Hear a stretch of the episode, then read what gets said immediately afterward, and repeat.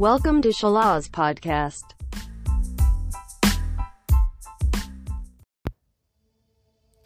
Assalamualaikum warahmatullahi wabarakatuh. Halo Sobat Salas Podcast di mana pun berada. Semoga selalu dalam keadaan sehat dan bahagia ya. Jumpa lagi dengan saya Hasbukit di episode tips edukasi.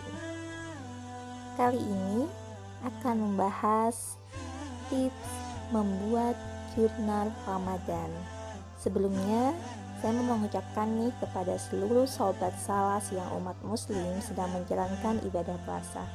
Marhaban ya Ramadan. Semoga amal ibadah kita di bulan Ramadan ini diterima oleh Allah Subhanahu wa taala dan dimudahkan segalanya agar mendapatkan hasil yang baik dan diridhoi oleh Allah Subhanahu wa taala. Amin amin Allahumma amin.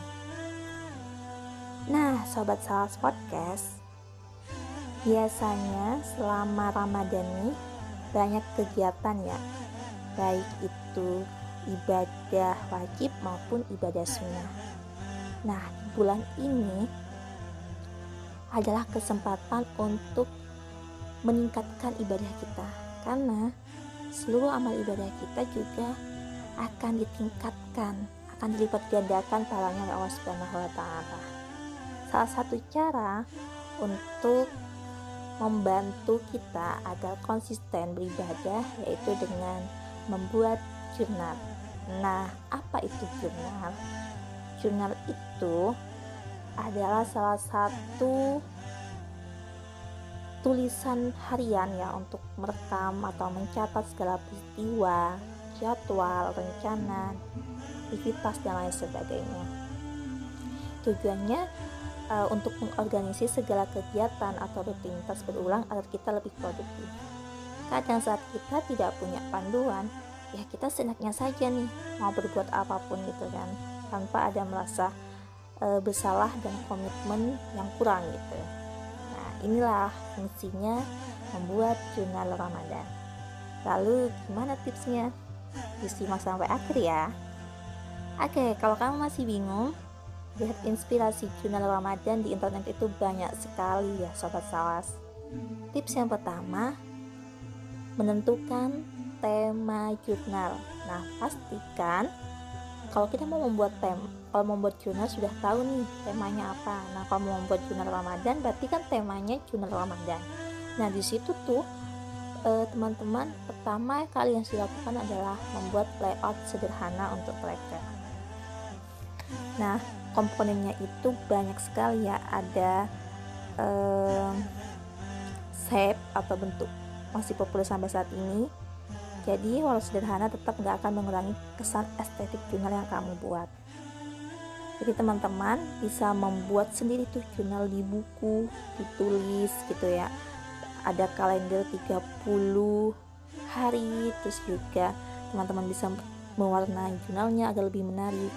Atau ada yang langsung download jurnal dari um, internet gitu ya.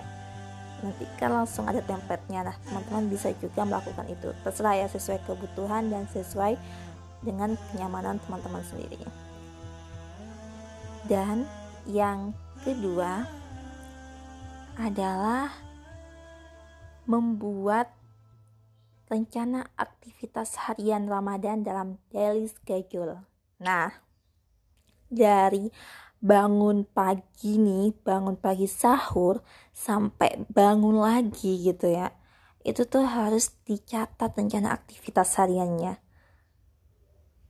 Bahkan kalau bisa per jamnya itu harus tercantum mau ngapain saja. Jadi tidak ada waktu yang terbuang dengan sia-sia gitu ya atau wasting time lah ya istilahnya. Nah, selanjutnya yang ketiga adalah membuat layout goals Ramadan satu bulan penuh. Misalnya nih, kita kan setiap uh, beraktivitas itu punya tujuan ya. Nah, tujuan apa sih yang diinginkan oleh teman-teman di bulan Ramadan ini? Teman-teman harus tulis di dalam jurnalnya. Misalnya tahun ini, uh, bulan ini ya di Ramadan saya ingin menghatamkan Al-Quran minimal satu kali terus ingin sedekah setiap Jumat, terus ingin rutin sholat tahajud dan lain sebagainya. Nah, itu harus ditentukan goalsnya. Nah, nanti setiap harinya dievaluasi apakah goals tersebut sudah tercapai. Kalau sudah tercapai, beri tanda centang gitu ya. Nah, kalau tidak tercapai, beri tanda silang. Itu evaluasi berarti keesokan harinya kita harus mencapai tujuan tersebut. Seperti itu. Dan tips yang keempat, mengkombinasikan beberapa subjurnal dalam satu halaman.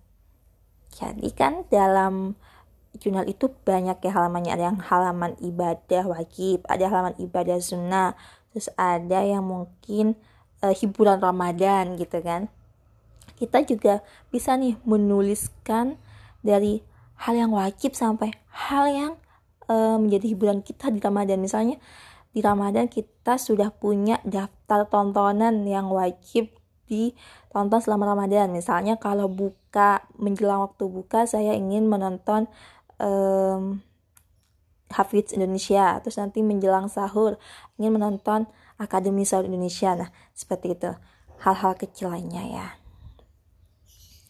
nah dan tips yang terakhir adalah setiap malam harus mengevaluasi to-do list jurnal yang sudah kita buat.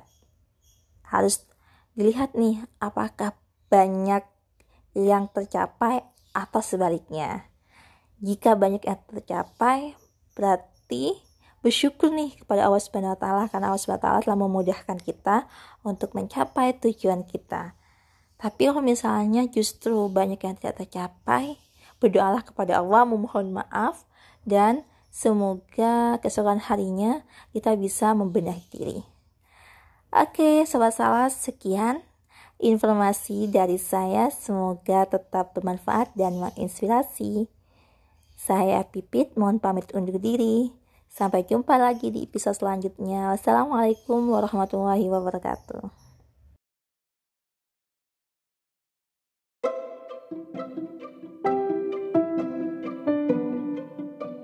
To be continued.